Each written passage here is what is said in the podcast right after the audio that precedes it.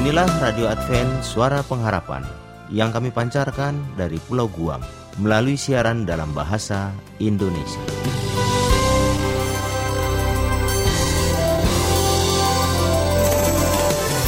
Salam sejahtera kepada saudara pendengar di mana pun Anda berada. Selamat berjumpa kembali dengan kami Radio Advent Suara Pengharapan.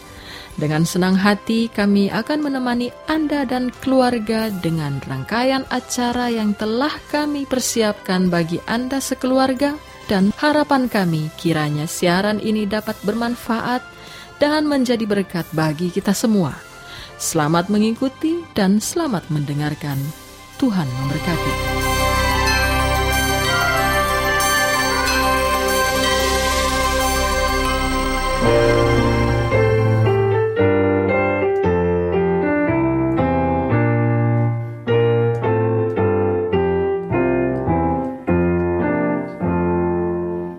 Yang budiman, Anda akan segera mengikuti ruang Alkitab menjawab yang akan disampaikan oleh Pendeta Andri Dembani dan Ayura Joseph Mani. Sebuah program yang dipersiapkan dengan seksama, syarat dengan jawaban-jawaban Alkitab yang ringkas dan logis untuk berbagai pertanyaan Alkitab. Dari studio kami ucapkan selamat mengikuti. Salam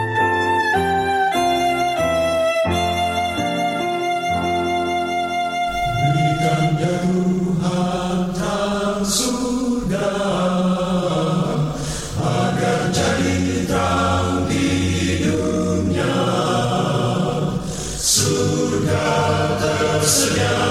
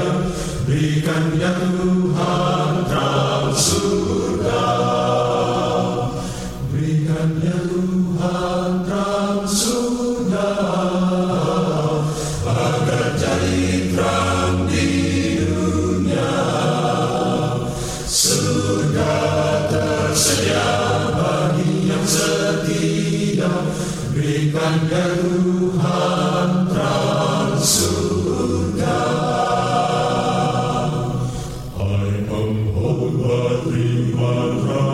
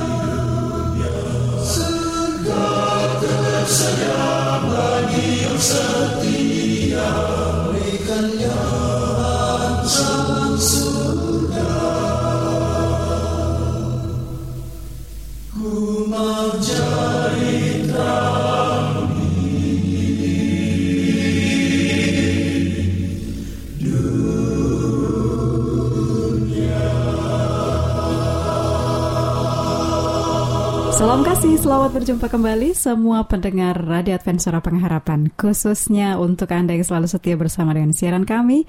Pasti semuanya mendapatkan berkat dan kasih karunia Tuhan.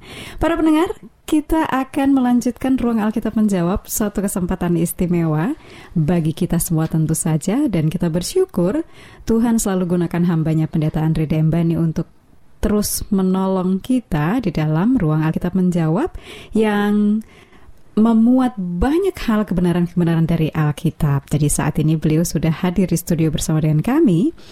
Dan tentu saja beliau kalau masuk ke bulan baru itu biasanya sudah siap dengan materi yang baru. Jadi para pendengar kita akan uh, sapa beliau lebih dahulu. Selamat datang kembali pendeta. Terima kasih sudah hadir melayani hari ini. Sama-sama Yura. Jadi bagaimana kabar pendeta sampai saat ini?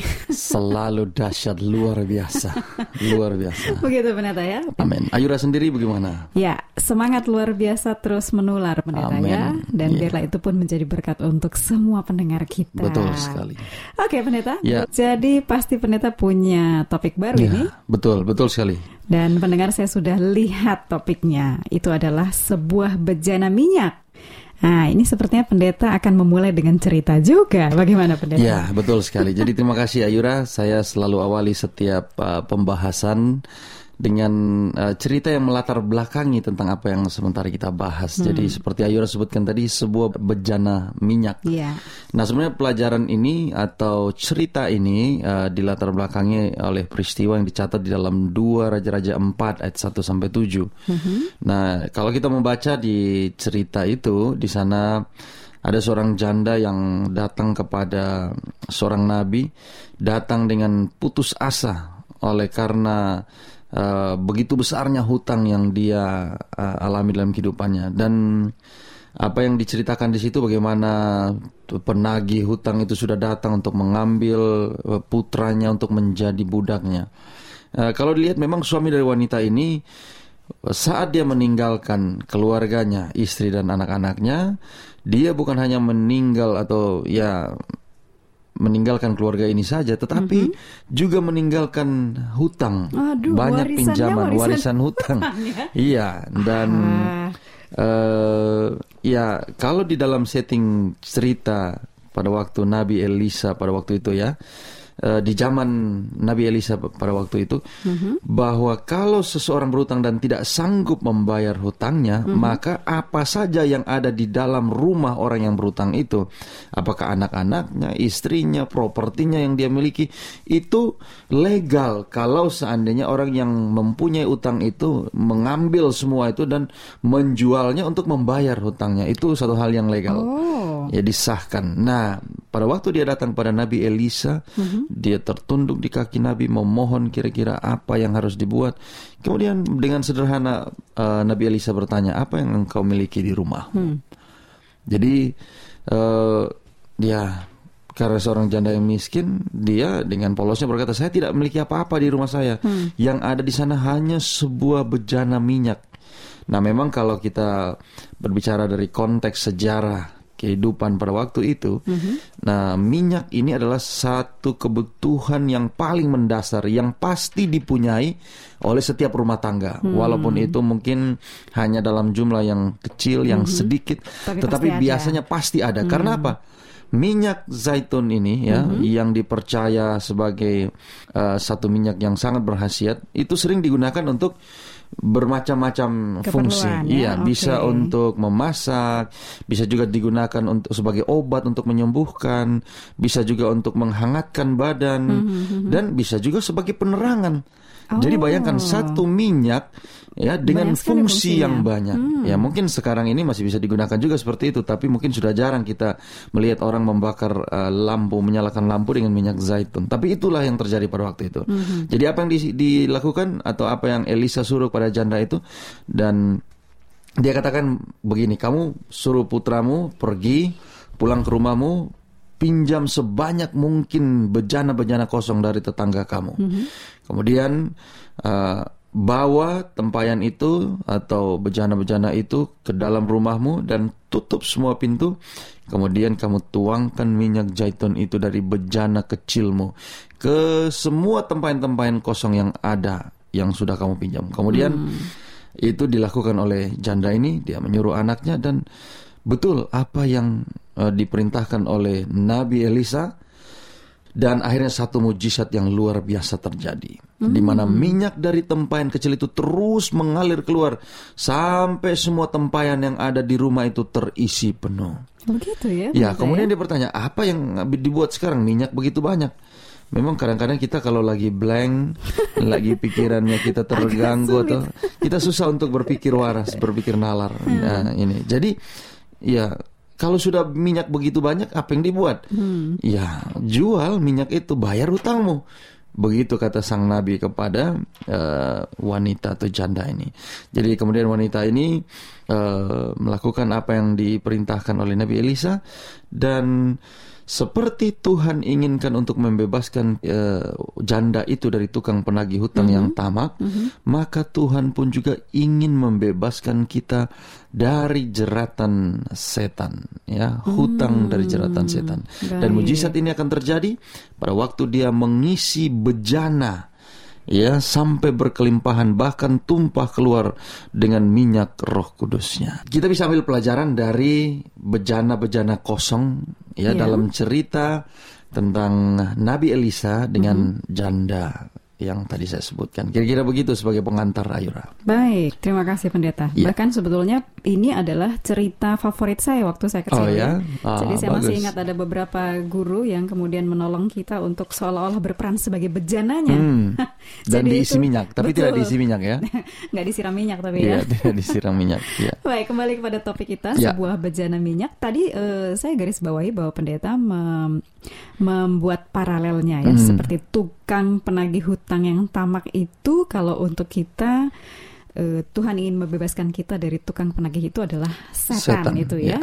Jadi eh, kemudian tadi pendeta juga sudah katakan bahwa minyaknya itu adalah kecurahan Roh Kudus atau kelimpahan Roh Kudus. Ya. Nah, kalau begitu paralelnya bejana di dalam Hmm. Alkitab itu melambangkan apa ya pendeta ya? Baik, terima kasih Ayura. Nah, eh, kalau kita berbicara tentang bejana, ada satu ayat yang eh, saya pikir ini sangat bagus sekali untuk boleh kita baca sebagai pengantar dari pertanyaan Ayura tadi untuk melihat sebetulnya apa yang dimaksud dengan bejana. Coba Ya. kita lihat di dalam kisah 9 ayat yang ke-15. Mungkin para pendengar, bila mana Anda memiliki Alkitab di tangan Anda, kita boleh baca bersama dari kisah 9 ayat 15. Baik, saya akan bacakan untuk kita semua. Tetapi firman Tuhan kepadanya, pergilah. Sebab orang ini adalah alat pilihan bagiku untuk memberitakan namaku kepada bangsa-bangsa lain serta raja-raja dan orang-orang Israel. Baik, terima kasih. Eh, kenapa saya minta Yura membacakan ini? Ada satu kata di situ yang kalau boleh saya katakan sebagai kata kunci. Apa kata kunci itu? Di situ dia sebutkan sebagai alat, ya, sebagai alat, ya. Nah, eh, nanti saya akan terangkan. Tapi kita lihat dulu tadi pertanyaan Ayura, eh, bejana itu dilambangkan sebagai apa? Kemudian tadi Ayura sebutkan juga minyak, ya. Nah, untuk menerangkan tentang minyak ini. Eh, coba kita lihat di dalam 1 Samuel 16 ayat yang ke-13. Baik, Ya. Saya akan bacakan untuk kita semua para pendengar. 1 Samuel 16 ayat 13. Samuel mengambil tabung tanduk yang berisi minyak itu dan mengurapi Daud di tengah saudara-saudaranya. Sejak hari itu dan seterusnya berkuasalah roh Tuhan atas Daud. Lalu berangkatlah Samuel menuju Rama. Nah, jadi eh, sedikitnya itu, mungkin ada ayat-ayat yang lain, tapi kita pakai kita gunakan dua ayat ini. Pertama tadi kisah 9 ayat 15 ya tentang Tuhan mengutus eh, pada waktu Paulus dipanggil ya.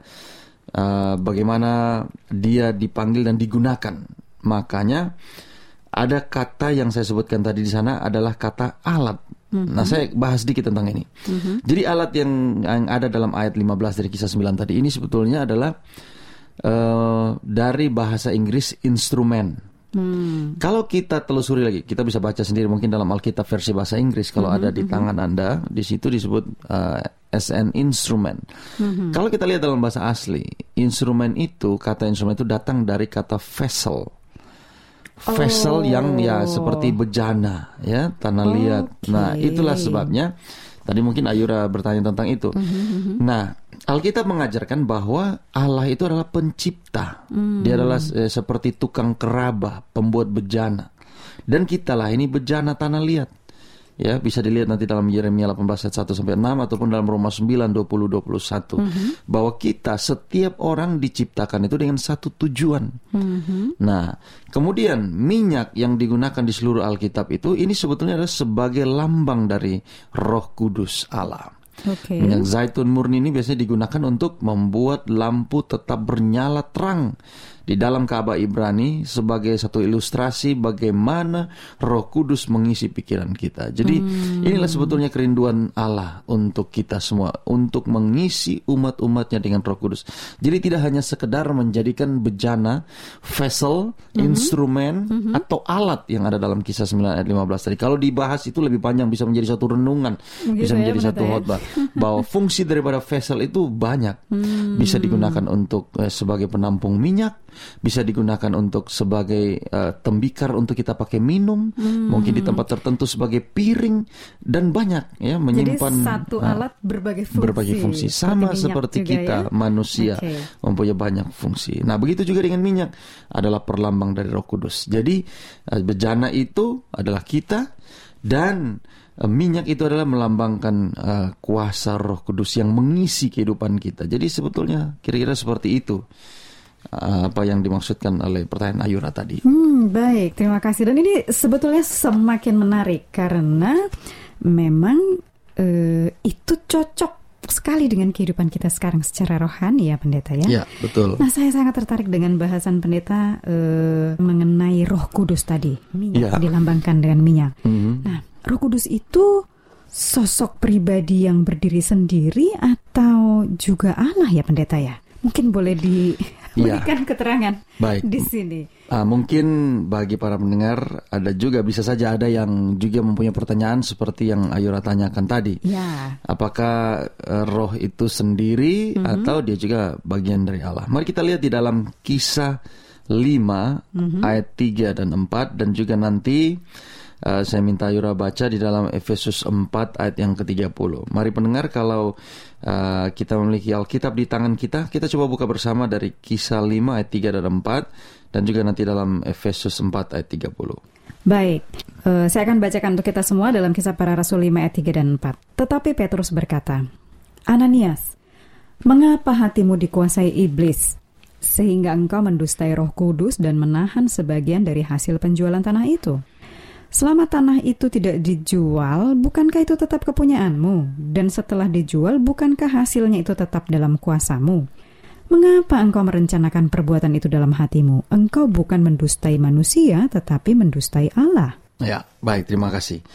Nah, kemudian di dalam eh, Efesus 4 ayat yang ke-30, apa yang disebutkan di sana? Baik, saya bacakan untuk kita semua. Dan janganlah kamu mendukakan roh kudus Allah yang telah memeteraikan kamu menjelang hari penyelamatan. Oke, baik, terima kasih. Jadi dari kisah pasal 5 ayat 3 dan 4 tadi di sana ada disinggung kalau kita mendustai Roh Kudus, sebetulnya itu kita mendustai Allah. Ya. Ya, betul. Saya melihat hubungannya di sini. Nah, Oke. jadi mendustai Roh Kudus sama dengan mendustai Allah. Sebetulnya cerita itu eh, adalah bahwa Ananias ingin untuk dia sudah bernazar untuk kalau dari dia hasil penjualan tanah itu dia akan berikan ke Ka'bah, berikan bagi pekerjaan Tuhan. Tetapi ternyata setelah itu laku eh, dia berubah pikiran, mungkin karena melihat jumlah yang banyak eh, tidak disebutkan di situ.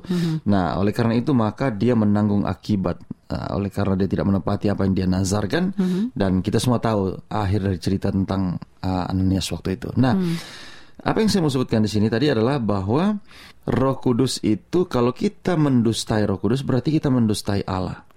Nah ini sebetulnya kita bisa link saja, tinggal kita link bahwa mendustai Roh Kudus berarti mendustai Allah. Berarti Roh Kudus juga adalah apa? Bagian daripada kealahan. Nah kira-kira sederhananya seperti itu. Ya Sudah tadi jelas sekali disampaikan di sini Iya. ya, ya. Oke. kalau di Efesus 4 ayat 30 lebih jelas lagi di sana disebutkan, janganlah kamu mendukakan Roh Kudus Allah yang telah memeteraikan kamu dan seterusnya. Jadi Roh Kudus Allah. Jadi lebih jauh lagi Yesus berkata pada kita untuk membaptis dengan apa? Nama Bapa dan Anak, dan Roh Kudus. Kudus. Ya, itu selalu ada disebutkan ya di dalam Matius 28 ayat 19 20. Nah, dengan demikian di sini kita dapat melihat bagaimana indikasi bahwa Roh Kudus itu adalah oknum salah satu oknum ya oknum ketiga dari trinitas dari kealahan hmm. ya dan ditempatkan sepenuhnya sama dengan Allah Bapa dan Anak. Nah, Alkitab juga menyatakan bahwa kita dapat menduka citakan Roh Kudus yang berarti bahwa Roh Kudus ini ya seolah-olah seperti memiliki perasaan. Nah, memang kalau mau disebutkan dia ya kita tidak bisa samakan Roh Kudus ini dengan satu satu sosok pribadi manusia. Hmm. Nah, dalam Alkitab Roh Kudus dikenal sebagai penolong, hmm. sebagai Roh Allah, Baik. Roh Kudus. Ya, ada banyak lagi ada Roh kebenaran, Roh Tuhan. Hmm. Ada juga tujuh Roh Allah ya. Hmm. Dan ya, juga dijelaskan sebagai satu sosok yang hanya berwujud roh Ya. Hmm. Nah, semua gelar ini diberikan secara pribadi khusus kepada uh, salah satu dari Trinitas itu yaitu Roh Kudus. Ya, kira-kira seperti itu. Jadi pertanyaan Ayura tadi apakah itu adalah satu sosok pribadi atau juga bagian dari kealahan? Ini adalah bagian daripada ketritunggalan Allah. Dia bagian daripada kealahan. Baik karena banyak gelar yang tadi pendeta sampaikan atau hmm. perkenalkan kepada kami dan itu yang ada di dalam Alkitab. Yeah. Tapi sebetulnya tugas utama Roh Kudus itu apa ya pendeta? Iya, uh, terima kasih. Ini pertanyaan yang uh, mungkin bisa memerlukan penjelasan yang memakan waktu, tapi oh, ya mungkin ya? saya berikan uh, sedikit saja singkat. Baik. Jadi saya membahasakannya begini bahwa Trinitas itu adalah satu kesatuan dari tiga oknum kealahan yang berbeda. Mm -hmm. Kenapa saya katakan berbeda? Kalau kita sebutkan contoh bahwa fungsi penciptaan itu ya walaupun dilaksanakan dalam uh, Yesus Kristus sebagai pelaksana mm-hmm. tetapi kita sering mendapatkan bahwa Allah itu adalah sebagai Allah pencipta oke okay. ya. nah kemudian fungsi penebusan mm-hmm. ya mhm. fungsi penebusan itu bu, kenapa bukan Roh Kudus kenapa bukan Allah Bapa kenapa mm-hmm. harus Yesus Kristus yeah. masing-masing uh, punya peran di dalam kealahan Nah begitu juga dengan Roh Kudus ini. Tadi pertanyaan Ayura, apa mm-hmm peran Roh Kudus. Coba kita lihat ya untuk menjawab ini karena waktu kita yang singkat. Baik. Jadi kita boleh lihat dalam Yohanes 16 ayat yang ke-13 dan juga nanti yang paling jelas di dalam Yohanes 14 ayat 26. Itu oh, mungkin sangat jelas di sana. Saya akan bacakan lebih iya. dahulu ya. Yohanes 16 ayat 13. Tetapi apabila ia datang yaitu roh kebenaran, ia akan memimpin kamu ke dalam seluruh kebenaran. Sebab ia tidak akan berkata-kata dari dirinya sendiri, tetapi segala sesuatu yang didengarnya itulah yang akan dikatakannya, dan ia akan memberitakan kepadamu hal-hal yang akan datang. Oke, dia tidak akan membicarakan uh, dari dirinya sendiri, hmm. tetapi dia menyampaikan ya dari apa yang dia yang dia dengar. Jadi uh, bukan yang berdiri sendiri. Nah, mungkin ini yang lebih jelas lagi hmm. bagaimana ketritunggalan itu dijelaskan di hmm. dalam Yohanes 14 ayat 26. Saya bacakan untuk kita semua, ya. tetapi ya. penghibur yaitu Roh Kudus, yang akan diutus oleh Bapa dalam namaku, dialah yang akan mengajarkan segala sesuatu kepadamu dan akan mengingatkan kamu akan semua yang telah kukatakan kepadamu. Terima kasih. Ini adalah salah satu ayat yang menunjukkan bahwa kealahan itu ya terdiri dari tiga oknum di sana. Mm -hmm tetapi penghibur yaitu Roh Kudus yang diutus oleh Bapa dalam namaku. Ku yang dimaksudkan sini siapa yang menyebutkan kata-kata itu? Adalah Yesus. Yesus. Ya. Nah, inilah. Jadi ada roh penghibur, hmm. penolong yang diutus oleh Bapa dan di dalam nama Yesus. Nah, itulah tiga oknum yang saya sebutkan tadi yang kita dalam bahasa Indonesia sebutkan itu Trinitas ya, hmm. ya Trinity. Hmm. Nah, hmm. jadi Yesus berjanji untuk selalu bersama-sama dengan kita umat-umatnya melalui pribadi Roh Kudus ya bersama dan tinggal di dalam kita. Jadi kembali seperti yang saya sebutkan bahwa masing-masing oknum kealahan itu mempunyai fungsi masing-masing. Fungsi penciptaan pada Allah Bapa, fungsi penebusan kematian Yesus Kristus dan juga fungsi yang tadi sebagai pribadi yang untuk melindungi sebagai penolong itulah Roh Kudus. Hmm. Ya, jadi seperti itu. Itulah fungsi mereka masing-masing. Apa tugas peran Roh Kudus sebagai penolong, penghibur. Alkitab sendiri menjelaskan demikian. Baik, terima kasih ya. pendeta. Ya. Tapi ternyata waktu membatasi. Betul sekali. Padahal saya masih punya sekali banyak sekali pertanyaan ya. Iya, betul. Tentu saja para pendengar bila Anda juga memiliki pertanyaan terkait dengan pelajaran kita sebuah bejana minyak dan ya. saat ini kita sementara uh, ada dalam uh, ulasan mengenai Roh Kudus ya pendeta betul ya. sekali. Jadi silakan Anda boleh berikan kepada kami pilih alat yang paling mudah Anda uh, gunakan dan paling cepat kami terima. Apakah melalui email, uh, Facebook, SMS, telepon? Silahkan Anda pilih dan kita akan uh, gabungkan bersama dengan topik bahasan pada pertemuan berikutnya Pendeta ya. Iya, betul sekali. Terima kasih untuk pelayanan hari ini Pendeta. Namun Sama-sama. demikian tentu saja kami tetap memohon Pendeta berdoa untuk kita semua. Baik, mari kita bersatu dalam doa. Allah yang baik, Allah yang maha pengasih, kami bersyukur berterima kasih kepadamu oleh karena kesempatan yang indah yang kau berikan bagi kami pada saat ini. Kami boleh dapat bertemu lagi dengan seluruh pendengar kami yang selalu setia mendengarkan kami. Terima kasih Bapak untuk pembahasan firman Tuhan. Kami boleh belajar dari pengalaman Elisa dan janda yang mengalami permasalahan. Dan Tuhan melalui mujizat yang engkau telah buat melalui hambamu Nabi Elisa. Bagaimana janda ini boleh dapat diselamatkan. Bapak kami menyadari seperti pelajaran yang mengajarkan kepada kami Saat ini kami sementara terjerat dalam berbagai uh, bujukan ikatan hutang yang setan sementara ikatkan kepada kami. Kami percaya sebagai bejana Engkau telah mempersiapkan minyak urapan rohmu uh, Untuk mengisi kehidupan kami. Benar. kami mau Tuhan biarlah melalui pelajaran yang baru saja kami diskusikan ini akan menolong kami membuka pikiran kami, menyadari kami apa adanya bahwa kami ini adalah milik Tuhan, kami adalah bejana dan kami mau supaya kami diisi oleh rohmu, supaya kami siap untuk menjadi saksi kebenaran Tuhan di mana pun kami berada. Biarlah Tuhan melalui awal dari pelajaran yang kami diskusikan ini akan menolong kami supaya kami dapat lebih mengerti dan memahami apa peran dan fungsi daripada Roh Kudus dalam kehidupan kami. Terima kasih Bapa. Kami masih akan melanjutkan perbincangan kami pada kesempatan yang akan datang. Kami berdoa bagi setiap pendengar kami di mana pun mereka berada, kiranya Tuhan selalu memimpin memberkati mereka. Terima kasih Bapa. Inilah doa kami. Dengar dan jawab doa ini. Ampuni dosa kami. Di dalam nama Yesus kami berdoa. Amin.